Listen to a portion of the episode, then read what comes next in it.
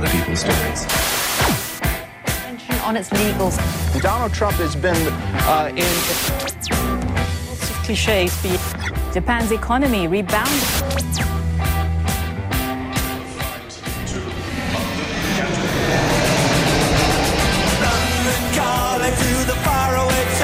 John Carlin, bon dia. Bon dia, Roger, ¿qué tal estás? Molt bé, i tu? Bien. Sí. Sí, bien, dentro de todo. Em preguntava, John, si, si tu, um, que ets una mica de tot, eh, ets una mica ciutadà del món, um, que, com celebres Nadal? Tu passen els Reis, uh, fas Pare Noel, cagues el tió... Um, que, com, com... No, cago el tío. Eh, mira, me, me divierte. Y bueno, este año no me he comprado uno de esos bichitos, pero igual me lo, me lo compro hoy.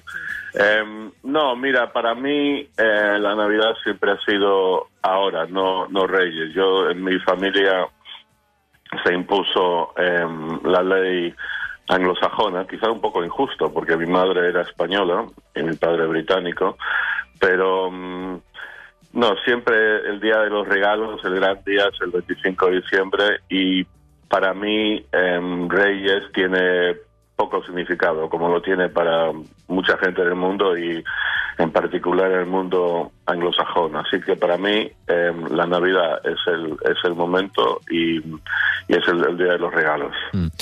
No sé si vas poder seguir ahir la, la roda de premsa del govern català. Uh, bàsicament, el que han explicat és que podrem seguir-nos reunint 10 persones els dies de Nadal uh, i la resta de dies festius, uh, i la resta d'àpats, la resta de dies són de 6 persones. Um, I uh, hi ha hagut bastant, bastant merder amb tot el tema de la mobilitat i el tema de les segones residències, um, que la mobilitat està permesa si tens una segona residència, però si no, doncs menys. Uh, realment um, hi ha hagut bastant rebombori amb el que ha donat de si també aquestes últimes hores aquesta roda de premsa. L'has pogut seguir, John? Eh, no, no vi la rueda de prensa. Es que, es que mira, yo me mareo. Pues ya- me imagino que tú también. O sea, el otro día em, fui en un taxi y el taxista me dijo que ya no veía las noticias, ya no sabía lo que estaba pasando. Eh, pero bueno, esto de limitar em, la cantidad de gente que se reúne en Navidad y tal, yo le diría a los gobiernos, pues mucha suerte, amigos, porque va a ser muy complicado imponerlo. Em, yo creo que, bueno, esto hay que verlo más en, en- en el mundo real como, como recomendaciones. Y yo quisiera pensar que después de nueve meses o más de, esta, de este virus que ha estado ahí en el centro de atención de todo el planeta, todo el mundo, aquí en Cataluña, en España, que la gente ya sabe las reglas básicas, sabe cuáles son los riesgos y que la gente en general va a ser responsable. Yo creo que al final hay que depender de eso. Está muy bien decir que solo 10, pero, pero va a tocar la policía a todas las puertas y ver si hay 11 o os van a contar o la gente se va a esconder en el baño cuando viene la policía. es complicado. Al final yo creo que eh, esto de imponer esto en plan leyes eh, es un poco una, una farsa y, y creo que hemos estado un poco infantilizados eh, con todo esto, nos tratan como, como niños los gobiernos. Però, John, tu creus I- que amb, amb recomanacions n'hi ha prou? A Catalunya s'ha demostrat que segurament amb les recomanacions no ha funcionat, no? Perquè quan s'ha recomanat coses, els índexs de la pandèmia s'han disparat normalment.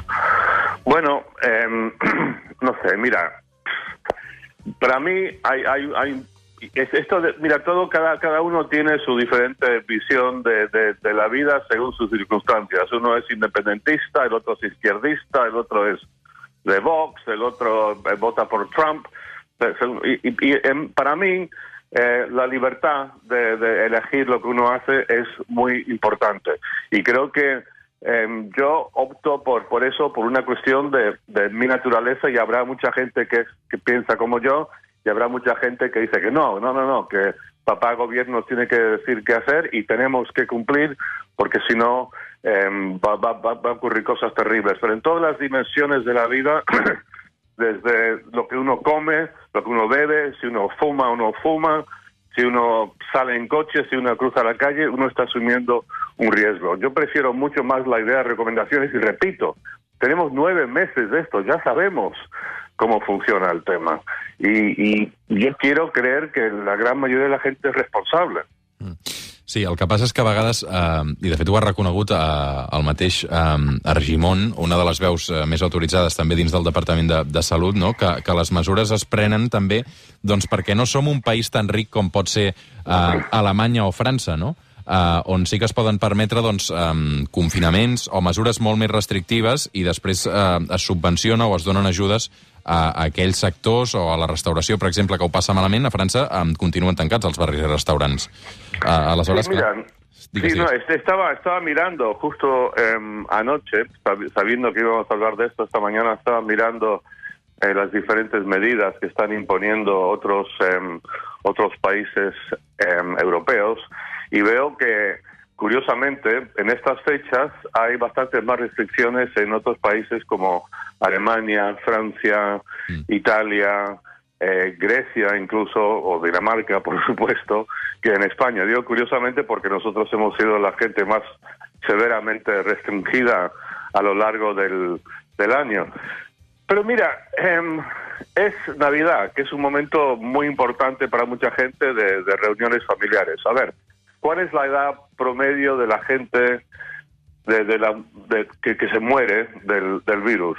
Eh, no sé, hablé con Pedro Sánchez hace unos meses y él dijo que era 80. Eh, sé que Reino Unido es 82 eh, años con cuatro meses. Ahora, si yo tengo 82 años, estoy en una zona de, de- máximo riesgo, pienso, em, elijo entre ver a mi familia, ver a mis nietos, ver a mis hijos o quedarme solo, sabiendo que es perfectamente posible que el año que viene no esté vivo. Yo, en esa circunstancia, absolutamente me la jugaría y que vengan todos los nietos y vamos a verlos a darme una, una alegría, porque quién sabe si voy a estar el año que viene.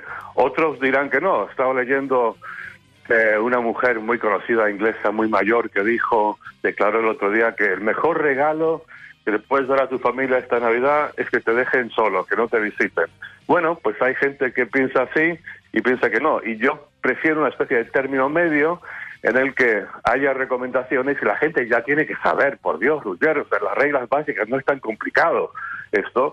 Yo prefiero que la gente eh, decida por sí, asuma los riesgos. Ujú. Esa es mi, mi, mi, mi actitud, pero bueno, no te digo que es esto va a misa, que esto tiene que ser, estoy hablando de mi perspectiva, eh, dado todas las cosas que me han formado mi manera de ser a lo largo de, mis, los años de mi vida. John Carlin, eh, passi el que passi, que tinguis unes molt, molt, molt bones festes. Eh, bon Nadal. Eh, cuines tu o no? Cuines tu per Nadal o no per això? No, no, no, yo, yo, yo desde cocina un, Ya me un, imaginaba. un absoluto, un absoluto de... Eh, una abraçada, John Carlin, cuida't molt.